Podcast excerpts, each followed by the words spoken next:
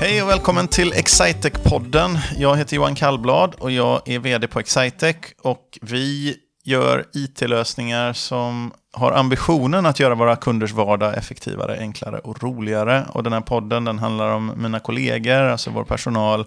Och någon gång ibland eh, hade vi tänkt att det skulle handla om partners eller kunder. Och det är lite premiär här. Eh, för eh, jag har jag, vet, jag lurat in, är nästan rätt begrepp. Jag har lurat in en partner här, Niklas, Niklas Nesslander. Eh, har, har kommit hit. Så han jobbar inte på Excitec utan han jobbar på... Var jobbar du någonstans Niklas? Jag jobbar på Visma. Och tack för hitlurandet. Ja. Eh, Niklas, vem är du? Eh, jag är... Som eh, person är jag en, en 49 eh, år ung kille. Boende i eh, Bajenland i södra förorter i Stockholm. Älvsjö med andra ord. Eh, och i jobbsammanhang så jobbar jag på Visma som marknadschef. Ja, ja, visst är det så. Eh, jag vet ju några saker om dig eftersom vi har träffats förut. Men de som till äventyrs lyssnar på det här vet, vet ju inte. Men du är inte född och uppvuxen i Bajenland va? Jag är född i Bayernland faktiskt. I ja, det är jag. Ja. Men inte uppvuxen i Bayernland. Jag är uppvuxen i uh, Härnösand. Ja. Men sa du Bayernland för att placera dig geografiskt eller för att du är inbiten fotbolls... Både och. Ja. Uh, nördigt intresserad av, av, av, fotboll. Och just då det grönvita, härliga, sköna laget som för tillfället leder allsvenskan. Ja, Eh, efter ganska, ja vi säger här, vi är i mitten på april här va? Så efter tre omgångar. tre omgångar. vi möter Norrköping hemma så vi får se hur det går efter det. Ja, just det. Men det ser ja. onekligen bra ut. Ja, just det. Jag hade annars en, en historia som en, en bekant till mig som, som uh, jobbar som kulturskribent egentligen. Då. Han, är inte så sport, uh, han är inte så insatt i sportens värld. Du var en djurgårdare alltså? Nej, eh, nej faktiskt inte. Men, men det är inte finkultur han skriver om, utan mer, mer populärkultur. Men, men eh, han tyckte att han, han hörde talas så mycket så, om, eh, om Hammarby då. Eh, alla pratade om Hammarby och alla älskade Hammarby. Så han trodde ju då att Hammarby var världens bästa fotbollslag. Och det tycker du att det är då troligtvis också. Men sen så när han började så skulle han gå på någon match och sätta sig in. Det var för några år sedan. Och då var han lite besviken när det visade sig att Hammarby inte ens då vid det tillfället spelade i högsta divisionen. För han kände sig att eh, han hade blivit lite lurad. Men nu är det tillbaka. Nu är ordningen återställd. Nu är ordningen återställd, absolut. Sen, sen man är nog inte Hammarby för att, eh, för att man har, vill se ett lag vinna, tror jag. Men det är nog snarare att man vill ha en gemenskap och en bra stämning. Just det. Hur mycket går du på matcher eller tittar du på dem? På? Eh, ja, men jag går på i stort sett alla hemmamatcher. Ja. Eh, gjort senaste 20 åren kanske. Ja. Sånt. Ja, det var spännande. Eh, eh vad, men okej, okay, vad, vad jag ska försöka inte bara nörda ner i, i Hammarby, även om det är, är intressant där. Men vad, eller jag tar en Hammarby-fråga. Ja, gör det. Vad, hur tycker du, i, i din, förutom att ni älskar Hammarby och andra älskar AIK och andra älskar Djurgården och så vidare. Men finns det någon, är det någon skillnad, kulturmässig skillnad tror du mellan i, mellan lagens eh, fanbase. Det finns en otrolig skillnad. Och jag, har en, en, jag driver en tes som är, är, är eh, väldigt eh, spot on om du frågar mig. Ja, okej. Okay. För det är din egen tes? Ja, exakt. Ja. Det är min egen tes. Och det är så här att, att om, eh, om du älskar att hata det andra laget mer än du älskar ditt eget lag, yeah. ja men då är du aik. Okay, ja. om, du, om du använder fotboll som ett svepskäl för att ta en, en öl med kompisarna, ja, då är du Hammarbyare. Om det är som din kollega kulturskribenten och inte ett dugg intresserad av sport, ja, då blir du djurgårdare. Okej. Okay. Och det tycker jag är en träffsäker tes. Ja, just det. Eh, och därmed Kom någonstans har vi, inlägget, har vi tappat 80-90 procent skulle jag säga de eventuella lyssnarna. Men, det, men det, först vi tappar alla de som inte är intresserade av sport och sen, ja, exakt. sen tappar vi eh, de två andra grejerna. Min mamma som är kvar och lyssnar.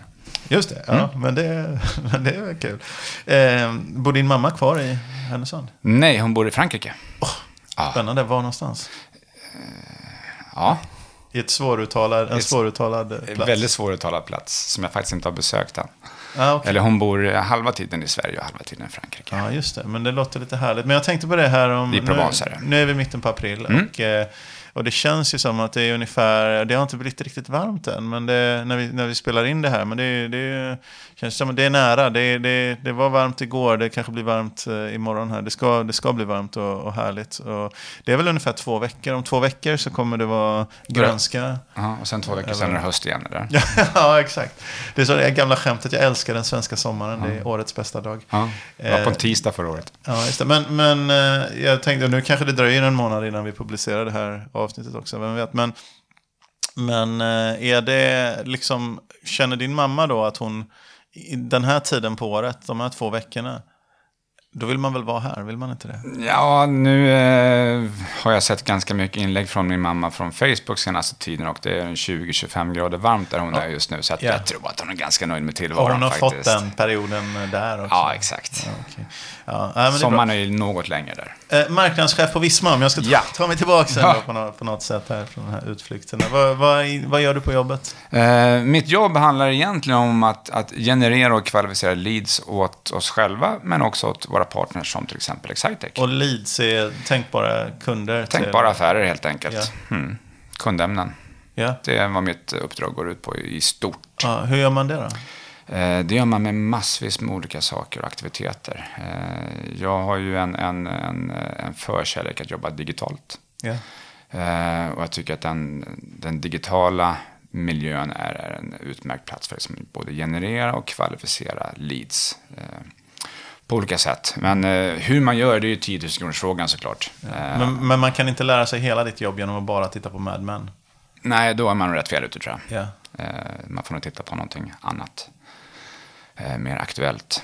Ja. Eh, Men, men det handlar ju väldigt mycket om att ha, ha en bra digital närvaro helt enkelt. Ja. Eh, Sen vilken digital kanal man väljer eller vilka digitala kanaler man väljer. Det är det som passar företaget eller det Just själv det. bäst. Så, så kanaler, du menar typ om är man på dn.se eller på LinkedIn eller på ja, Facebook? det, det här liksom? podden är ju en digital kanal ja, till En exempel. slags digital kanal. Som, som man skulle kunna En utveckla såklart. Du kan få göra något med det här avsnittet. Ja, jag kan, jag kan ge några raka tips. Ja, okej. Eh, mycket bygger ju på att bli hittad. Ja. Alltså hittad när de blivande kundämnena har ett behov. Ja. Eller redan innan de har behovet. Och den här rösten som spelas in nu, den är ju väldigt svårt att googla på. Ja. Alltså vad jag säger. Ja. Så därför borde man kanske både ha den här podden, men man kanske ska sätta upp en filmkamera i den här studion och filma och lägga ut på YouTube. Ja. Man kanske skulle eh, skriva ut ett skriptet och lägga ut som en blogg. Mm. Du har helt plötsligt tre plattformar på samma liksom, inspelningsstudio. Dessutom skulle du få lite utväxling på det faktum att du faktiskt klippte dig innan du Ja, precis. Ja, Jag jag rad- förklarade inte formatet riktigt ordentligt. Jag har radiofrisyr. Ja, eh, exakt. Så ska man se våra fina sådana här, eh, såna här stora ärtsäckar. Ja, just det. Som vi, som vi nästan sitter i. Som vi skulle kunna sitta i. Väldigt trendigt. Eh, eh, vad, vad, det, det här med digitala kanaler då. Vad, vad har du någon favoritkanal om du tittar på ditt specifika just nu som, som du tycker är lättillgänglig som, och, och arbeta i? Ja, men jag har eh, både två, alltså en privat och en i jobbet kan man säga. Ja, Eh, vi kan börja med den privata som jag har verkligen nördat in på. Eh, och det är YouTube. Jag kollar inte på tv längre. Jag kollar på YouTube. Eh, och jag har liksom nördat in på olika typer av, av specialister. Just nu har jag fått för mig att jag ska lära mig klippa film. Vilket jag inte kan överhuvudtaget. Eh, men nu följer jag sådana specialister som gör det. Och det är så otroligt häftigt vad man kan göra på, på en 15 minuters video. Och de går liksom går, det är tutorials som man kan visa hur man gör etc. etc. Otroligt kul att se. Eh, det finns några sådana här riktiga duktiga YouTubers som är bra på att berätta en story. Uh, Casey Neistat är en typexempel på en sån person som jag rekommenderar. Den här vad heter han? Han heter Casey Neistat. Casey Neistat. Och eh, ja, han har, eh, jag tror han har nio miljoner följare. Ja, Och jag var faktiskt och såg honom live på en keynote förra veckan. ja, Eh, otroligt inspirerande. Av de 50 presentationer jag lyssnat på under en hel veckas tid var hans den absolut bästa och mest givande. Ja. Var var du någonstans då? Då var jag i Chicago på en eh, konferens som eh, Eloqua har. Eloqua Ja. är då ett eh, verktyg vi använder i jobbet för... eh, för, För att eh, automatisera marknadsarbete va? I... Ja. Eh, Det, är, det är intressant tycker jag. Jag läste för säkert tio år sedan läste jag en bok som är något av en eh, som är nog en modern klassiker som heter The Long Tail. Här Mark Andreas. Alla marknadsföringsmänniskor har ju liksom den i bokhyllan då. Sen om man har läst den eller inte är väl en annan sak. Men, men eh, du kan läsa PMet också. Men The Long Tail handlar ju om att i liksom en global internetekonomi så finns det liksom en marknad för det man tjänar på att vara smal. Det finns en marknad för det smala eftersom man kan nå ut så brett. Så, så eh, liksom, du kan vara hur nördig du vill. Det går ändå att hitta... Ja, men det är det som är så kul med, med att man jobbar digitalt. Du kan vara, så, du kan vara enmansföretag och ändå liksom använda det digitala som en typ av kontextuell hävstång och mm. verka vara jätte, jättestor. Mm. Och precis tvärtom, det finns jättestora företag som är rädda för att gå ut i en digital miljö och därmed blir man en liten mus. Yeah. Så det finns en otrolig hävstång i den digitala miljön att jobba med. Mm. Jag såg min, min fru visade mig en video här eh, i, häromdagen. Hon kom hem, hon hade varit på någon eh, konferens och lyssnat på någon föreläsare som jag tappar namnet på. Jag ska jag ska eh, fråga henne om det och, och rekommendera. Hon sa det var en fantastisk föreläsning, men han hade visat en, eh, en video eh, där de recenserade biltvättar. Eh, och det var väldigt långsamt då också. Det var hela i realtid. Liksom. Det var inte så bara den här biltvätten är bra. Utan de gick in och sa, jaha, jag kommer borst, borstarna här. Nu sprutar de ut det här, här och så vidare. Och de gjorde det. Det var en kanal då, visade de sen, som där de bara hade biltvätts och hissfilmer. De även recenserade hissar. Eh, det, ja, det är ju ganska smalt. Eh, men de har 800 000 följare eh, på en kanal. Det finns alltså 800 000 människor som vill följa en kanal där det är recensioner av olika hissar. Alltså i betydelsen, eh, liksom det här fabrikatet i den här installationen här, det här är en sån upplevelse. Och, och så är det jag, åker upp och ner i en hiss. Och ja, men då har du verkligen nischat in då, så har du en ja. målgrupp som du kommunicerar med. Ja. Och så kanske du lägger en liten länk eh, under videoklippet. Och så har du konverteringar den vägen. Ja. Det är supersmart. Ja, det är ganska härligt att ja, det finns. Ja. Eh, När kommer Excitec? Och det är inte meningen att det ska locka alla. När kommer Excitec med sin YouTube-kanal då? Ja, men vi är väl nära. Det här är ju, en, en det här är ju ett, ett, ett digitalt trev. Eller vad ska man säga, från vår, från vår sida. Vi, vi provar lite. För det, det, men faktum är att det finns en riktig eh, tanke med, när vi drog igång den här eh, podden för sisådär en 12 avsnitt sedan. Så, så, så det var ju relativt nyligen. Så, um, så tänkte vi att vi, vi, uh, vi behöver inte över vara liksom överanalytiska i hur breda vi ska vara och hur målgruppen är exakt. Utan vi, säger, vi pratar om någonting som verkligen, vi, om vi är vi och pratar om vår vardag och låter bara ganska oredigerat så, kan vi, så behöver inte vi tänka ut åt den potentiella målgruppen att det här är intressant och det här är inte intressant. Utan vi gör sånt som intresserar oss. Så får man se om det är någon annan är intresserad av att lyssna. Så får vi se lite vart det tar vägen. Då. Det, det är lite så, det är inte supergenomtänkt. Nej men det ändå är en, jag tror att det ligger en, en mer tanke bakom den vad du faktiskt ger sken av. Jag tror att den här podden, nu har jag inte lyssnat igenom alla avsnitt, men jag lyssnade lite grann på den igår. Eh, den visar ju på att Excitec jobbar med, med employee branding, alltså medarbetarvarumärket. Mm. Eh, I syfte att bli en attraktivare arbetsgivare. Förslaget står ju om, om IT-konsulterna där ute nu. Och de är väldigt svåra att få tag på. Absolut. Jag, jag tycker det finns ett element också som är det här. Om någon, eh, om någon som inte är någon lömsk baktanke, utan det är bara om någon känner att hen lär känna en del av mina kollegor innan man tar beslutet till exempel att söka ett jobb och så. Så kanske man gallrar bort en del som inte kommer trivas. Mm. För det är ju det värsta också. Det, det första är ju svåra att hitta, attrahera talangerna. Men sen är det ju eh, om, de, om, en, om en talang som är kanon slutar efter nio månader för att något annat dyker upp där man känner att man passar bättre. Då är det också fruktansvärt dåligt. För vi är ju specialister på olika typer av verksamhetssystem och det tar ofta tid och lära sig dem. Och det är en investering i början. Och därför vill vi ha människor som har goda möjligheter att, att trivas. Så det, var, det är en sån liten baktanke också. Så. Ja, det är en, en grej att attrahera medarbetare. Den andra är ju att, att behålla mm. och, och uh, vårda och utveckla dem, såklart. Och det, det, är lika svårt. Ja, absolut. Eh, du Niklas, vi mm. har ett stående segment på den här eh, podden som heter Någon berättar om något. Ja. Eh, och då undrar jag, och jag aviserar ju det till dig här. Eh, och då undrar jag, vad har du valt för ämne? Jag tänkte prata om Hammarby. Nej, det skulle jag inte alls prata om. Eh, jag ska prata om eh, någonting som alla vet om, men ingen pratar om. Uh. Elefanten i rummet. Ja. Såklart. När vi spelar in det här så, så den här veckan i måndags, det här idag är det onsdag, ja. så har vi på Visma lanserat en stor kampanj som vi kallar just för Elefanten i rummet. Eh, och den kampanjen bygger på, eh, vad ska man säga, alla de här eh, ekonomiska processerna som man kan effektivisera idag.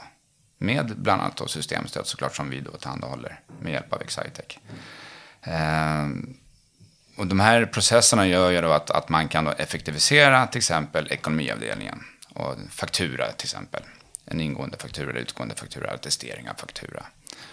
Eh, och det här är ju kanske områden och, och som man kanske är lite rädd att prata om. Av olika anledningar. Var, varför så, tror du? Ja, det kanske är så att, att eh, de på ekonomiavdelningen tycker att de eh, har alltid jobbat på det här sättet och vill fortsätta jobba på det här sättet. De vill inte digitalisera sin hantering. Man kanske är rädd om sina jobb, man kanske är rädd av någon annan orsak, man kanske är förändringsobenägen. Vad vet jag? Det finns nog rätt många sådana elefanter. Man kanske har haft dålig erfarenhet från att göra något komplicerat eh, system. Så kan det också vara såklart, absolut. Eller så tror man så är det lite oklart med ägandet ibland också. Det kan det vara. Kan jag uppleva det. Vem, vem är ansvarig för det här? Vem är... mm. Ja, men det kan det vara, absolut. Mm. Men vad vi vill göra med den, här, med den här kampanjen är att vi vill naturligtvis prata om det. Och det är det som är, låt oss prata om elefanten i rummet. Och då har vi gjort lite filmer där man då kan eh, ganska snabbt känna igen sig, tror jag. Eh, filmerna går att se på visma.se slash elefantenrummet med ett streck mellan varje ord. Eh, där vi tar upp då vissa av de här processerna och så har vi då gestaltat det i form av en, en snudd på riktig elefant, ska vi säga. Det är då en, en, en skådespelare som har på sig en sån här Fatsuit kallas det för, alltså en väldigt, väldigt stor dräkt, fast i en kostym. Jag tror, jag tror om du frågar en biolog så, så, tror jag inte att det är snudd på en riktig elefant. Nej, okay. Eh, men, det, men, det, ja. eh, men han har också på sig en, en mm. elefantmask eh, som är väldigt eh, lik en elefant. Eh, som dessutom har lite olika motorer i sig. Så eh, man kan röra snabeln, man kan vifta på öronen och man kan blinka med ögonen. Allt för att den ska bli så, så lik som möjligt en riktig elefant såklart. Och den här elefanten han rör sig i de här miljöerna och är lite grann i vägen. Ja. Han är den här elefanten som, som, som alla vet om men som ingen pratar om helt enkelt. Jag har två funderingar på kampanjen. Den ena är mer affärsmässig och den andra är en sak jag undrar över. Jag vet inte vilken väg jag ska gå lite. Men jag kan ta den affärsmässiga diskar vi av ganska fort. Mm. Men, men tvinga mig att, komma tillbaka till fråga nummer två på kampanjen sen om du vill. Det affärsmässiga, så jag, jag tittade på det här, vi har precis kommit ut till oss partners. Vi är ju partner till Visma. Vi tycker det är väldigt roligt när ni trycker på, för ni är ett känt varumärke i, i, våran, i våran bransch faktiskt. Ett av de mer kända i, i den här branschen. Och när ni trycker på om någonting och bjuder in till samtal, då blir det förhoppningsvis dialoger som vi sedan får vara med i. Så vi är ju väldigt positiva till det här. Men jag tittade på kampanjfilmen och sen försökte jag skriva av mig lite grann eh, min känsla kring det här. Och det som jag tyckte om att ni gjorde var att man valde ni har valt att exponera några ganska små tjänster ganska ofta. För det är väldigt, väldigt lätt att vi hamnar i de här svepande liksom, digitalisering, big data, eh, autonomous eh, liksom, eh, learning kanske och, och, artificiell intelligens. Och väldigt stora men inte så konkreta saker. Och ni har ju pekat, jag tror ni hade, hade gjort så här, och pekat på åtta stycken tjänster där många är väldigt, väldigt små. Liksom, hur gör jag med min kvitto då? Hur gör jag med, mitt, med attesten av det här då? Hur gör jag med betalningen till banken då? Och då är det så att påvisa det här att, eh, som jag tyckte, min reflektion och det som jag skrev ett blogginlägg om var eh, som också kommer att vara publicerat nu när, när, långt innan den här podden tror jag. Det, det var att, ehm, att man kan eh, bygga upp, alltså steget mot digitalisering, det här att vilja rita hela bilden, det kan hämma en ibland.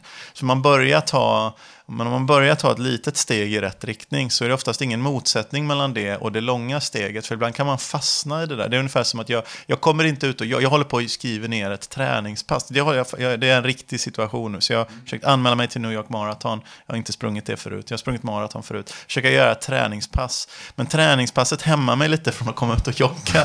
för jag lägger liksom mer tid på att googla tips på hur jag ska lägga upp ett bra träningspass än vad jag lägger på att verkligen träna. Och det inser jag att det är nog inte rätt rätt. Så, så liksom ibland att bara komma ut och göra det och göra de här små sakerna. Så det, det tyckte jag var positivt att de inte bara lyfte liksom, nu måste du diska bort hela din infrastruktur här, för vi har liksom disruptive big data, digitalisering, artificiell intelligens och annars blir du Kodak liksom och sådär. Utan det var de små sakerna. Ja. De är...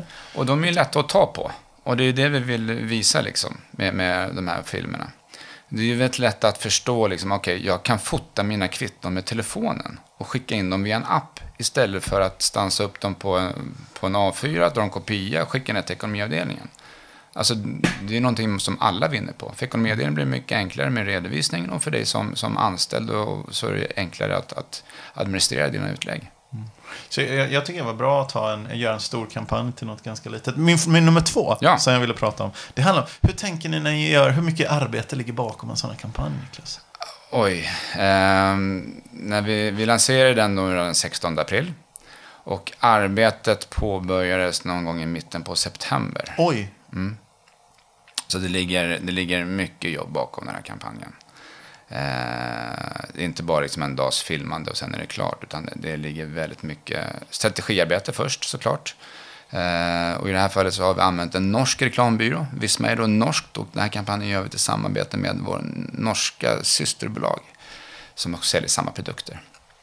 Eh, och då har vi valt då en norsk byrå i det här fallet, som, där vi gick med, med, med en beställning och sa att vi vill liksom vi vill förtydliga de här problemen. Vi vill lyfta fram de här problemen, men vi vill göra dem så att de är lättare att ta emot för, för publiken. Hur gör vi det på enklaste sätt? Ungefär så låg vår beställning. Vad har varit svårast i, i det här arbetet hittills? Eh, jag kan säga att det har flyttat på ganska bra faktiskt. Eh, när då den här byrån kom fram med konceptet Elefanten i rummet som de gjorde som första pitch, så kände man direkt att ah, det här är bra.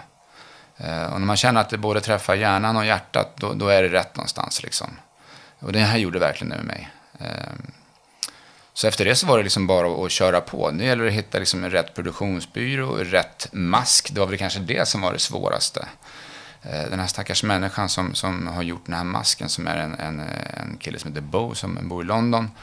Eh, han har jobbat dygnet runt innan vi skulle filma. Han satt till och med uppe på hela natten och, och finjusterade med den här masken. Elefantmasken? Ja, ja, precis. Det, tänkt, det visste du inte innan liksom. Innan, eh, för ett år sedan så visste du inte att du skulle lägga ganska stor del av din tid och fundera på elefantmasker. Nej, faktiskt inte. Men det är väl det som är härligt att jobba med marknadsföring också. Det, ja. det, en dag är inte så lik. Ja, vad är det här? Det kan du få faktiskt göra reklam för. Det. Vad är det bästa med att jobba med marknadsföring? Oj, att man får jobba med elefantmasker? Nej. Eh, nej, men det som är roligast med att jobba med marknadsföring nu, när man jobbar då mer digitalt, återigen då, är att vi på marknaden kommer mycket närmare affären. Om man jobbar med, med marknad som man gjorde förr i tiden med kanske någon helsida och någon eh, tv-reklam och sådär, då är det mer liksom varumärkesbyggande, och nu gör jag sådana här citationstecken. Eh, vilket egentligen inte det, påverkar. Det kommer inte fram riktigt genom podden. Vi skulle haft, eh, om vi hade haft filmkameran så hade, hade det synts väldigt tydligt. Ja, Niklas vrida sig. Ja. Eh, nej, men då var det mer liksom varumärkesbyggande reklam. Man skulle stärka varumärket och så trodde man att det skulle ge affärer. Och det gjorde det säkert också. Men när man jobbar mer digitalt så kommer man mycket närmare eh, slutkunden och man kommer mycket närmare sälj och avslutet. Eh, hos oss har vi delat upp det i fem processer, varav marknad äger tre, nästan fyra. Allting utom just själva liksom kontraktskrivandet egentligen. Eh, jag, jag, tänkte på det, nu när, när ni har gjort en kampanj, eller gjort, tagit fram ett material mm. eh, och så vidare. Hur mycket, då är det så för er på marknaden, då är ni klara? Liksom, Nej, det är, nu, det, nu, det är nu det börjar. så jag misstänkte det var ja. en liten... En liten vad händer nu då, för ja, er? I... Det som händer nu är att nu ska vi då, nu har vi kört ut de här eh, kampanjerna i media. Eh, och vi har byggt en, vad, vad har ni valt för media? Eh, vi har valt eh, att gå eh, i olika nätverk, men, men primärt i Bonniers nätverk. Eh, där vi jobbar datastyrt. Och det innebär att, att eh, vi är ute efter en specifik målgrupp. Och istället för att jobba då med att vi ska ha då, ekonomichefer i större företag boende i Bålänge som, som är högerhänta, så vill vi istället ta utifrån beteende. Låt oss säga att man har varit inne på, nu tar jag ett exempel bara hur det kan, hur det kan vara. Varit inne på teknikexpert.se och läst om tjänstebilar i premiumklassen. Ja. Och dessutom varit inne på Veckans Affärer och läst om börsnyheter. Det är vår målgrupp. Det är mig du pratar om. Ja, är, men du har ju redan köpt Vismaret, så det är lugnt. Sant. Eh, så då jobbar vi datastyrt. Så istället för att pinpointa en specifik, en specifik profil så jobbar vi då med, med, med, eh, med beteendedata istället. Lär ni er under tiden sen när ni exponerar den här kampanjen och styr och... och de här algoritmerna skruvas på dagligen. Ja. Eh, både eh, manuellt men också via machine learning och eh, AI såklart. Såklart, säger du. Ja, men det, det måste man göra. Eh, och det är naturligtvis inte jag som gör det, utan det är duktiga människor som kan sånt där som gör det. Eh, det här, de här digitala liksom, artefakterna som ni har skapat, med, mm. med, hur länge kommer de leva tror du? Hur länge kommer de, folk titta på dem? Eh, filmerna menar du, eller hur menar du? Ja, filmer och inlägg och så. För ni har gjort lite material också. Ja, vi har gjort massvis material och mer material kommer. Och det här rullar vi ut eh, pö om pö. Ja, okay. eh, vet inte om jag ska säga hur länge kampanjen pågår, för det är massvis med konkurrenter som lyssnar på ja. podden. Det beror väl på kanske också. Ja, men vi, vi har eh, många filmer och vi har en bra plan framåt för att eh, inte nöta in budskapet, ska jag säga, men, men för att förmedla budskapet. Men det som jag egentligen tänkte på var att ibland så pratar man om det som ett negativt förtecken där. Du vet, ditt digitala liv eh, får evigt liv på nätet. Du kommer aldrig det blir svårt att ta bort något och så vidare. Men, men finns det i era tankemodeller här, om man jobbar digitalt, eh, finns det en tanke på att det här kan vara någon som ser den här kampanjen om fyra år? Som blir attraherad? Alltså är det med i, eller hur, hur snabbt åter, för jag menar förmodligen så här att skicka ut en kupong i Aftonbladet där det står skicka in den här så kan vi prata om nya affärssystem. Då är det näst, I morgondagens distribution av Aftonbladet då kommer jag i princip inte längre vara någon som klipper ut kupongen. Och om en vecka, kupongflödet är ju Ja, den har, ja, den det är inte så vanligt längre. nej, det är väl inte kanske jättevanligt. Men, men det är klart att, att, att, uh, i en digital miljö så är det alltid sökbart och det finns ju oftast alltid där om de inte har publicerat det såklart. Uh, så det är klart att någon kommer att se de här kampanjerna om 4, 5, 10, 20 år, vad vet jag. Mm. Uh, och kunna säga, åh, det där var en rolig kampanj de gjorde på den tiden. Men vad, vad, vad gammalmodigt är de. Men det, visst kommer det vara gammalmodigt då? Ja, det kommer vara jättegammalmodigt. Men kolla på de reklamfilmer som jag gjorde för 10-15 år sedan. Eh, det var ju jättedåligt egentligen, men då var de ju top notch. Då var de verkligen liksom ja. state of art.